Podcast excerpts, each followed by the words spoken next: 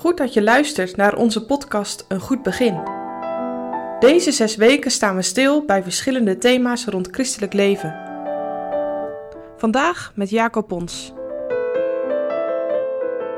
Vandaag lezen we het vervolg van 1 Korinthe 12, vers 4 tot en met 7. En er is verscheidenheid der gaven, maar het is dezelfde geest. En er is verscheidenheid der bedieningen, en het is dezelfde Heere. En er is verscheidenheid der werkingen, maar het is dezelfde God die alles in alle werkt. Maar aan een ieder wordt de openbaring des geestes gegeven tot hetgeen oorbaar is. Is iedereen hetzelfde? Nou, ik zou zeggen, gelukkig niet. Want stel je voor dat iedereen hetzelfde deed, dacht, sprak. Ik denk dat ik dat behoorlijk saai zou vinden. Nee, als je om je heen kijkt, zie je heel veel verschillende mensen. Elk mens is anders. En wat de een te weinig heeft, heeft een ander te veel. En zo kun je elkaar juist helpen en aanvullen. In het koninkrijk van God is dat niet anders. Iedereen is anders. En dat is ook zo mooi aan het beeld wat Paulus verderop in dit hoofdstuk in 1 Korinthe 12 gebruikt. Hij noemt daar de gemeente het lichaam. En zegt hij: Zoals het lichaam veel leden, ledematen heeft, en toch één lichaam is, zo is het ook met Christus. Elke gelovige heeft een bepaalde taak in zijn koninkrijk. De een is de hand, de ander de voet. Een volgende is misschien een oog of een mond. Maar één ding is duidelijk: niemand kan worden gemist. Als één onderdeel van jouw lichaam niet goed functioneert, dan is er een handicap. En dat is niet gezond. Paulus wijst er in deze verse op. Er zijn verschillende gaven die de Heilige Geest geeft.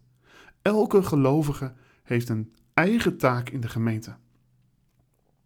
En het is bijna logisch te noemen dat we niet allemaal dezelfde taak kunnen uitvoeren.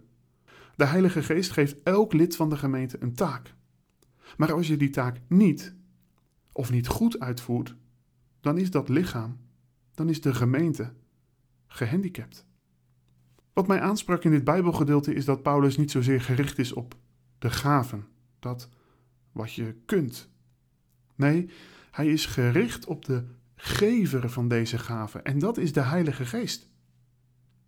Laat dat voor jou en voor mij ook een les zijn.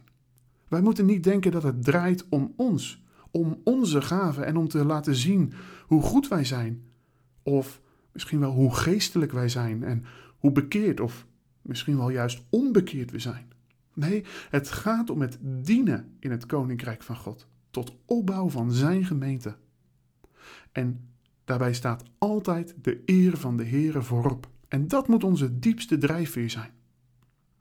Maar hoe kunnen we nu dienen? Om je taak goed te vervullen, rust de Heilige Geest ook toe. Wij noemen dat vaak bekwaam maken. En in 1 Korinthe 12 worden er verschillende gaven genoemd. Paulus noemt er zelfs negen.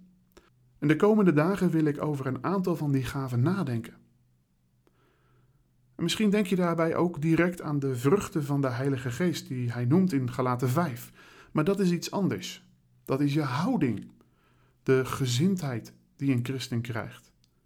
Als de Heilige Geest werkt, dan krijg je vruchten in je leven. Dan zie je dat. Dan zie je liefde, blijdschap, vrede, vriendelijkheid, goedheid, geloof, zachtmoedigheid, zelfbeheersing. Dat zijn kenmerken van je leven waardoor je meer en meer op de Heer Jezus gaat lijken. Maar in dit hoofdstuk in 1 Korinthe 12 gaat het over de gaven van de Heilige Geest. Dan gaat het om de manier waarop wij Gods koninkrijk dienen.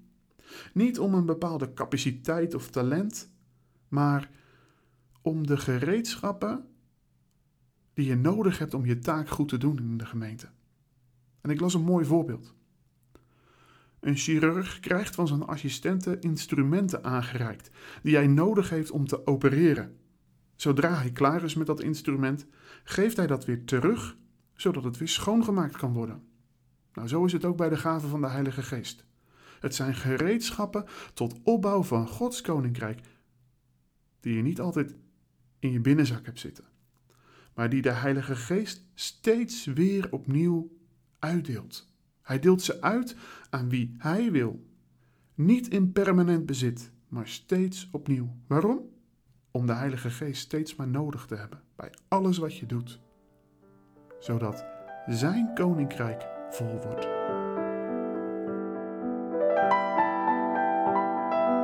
Paulus gebruikt het voorbeeld van het lichaam als hij het heeft over de gemeente van Christus. Op welke manier ben jij onderdeel van dat lichaam?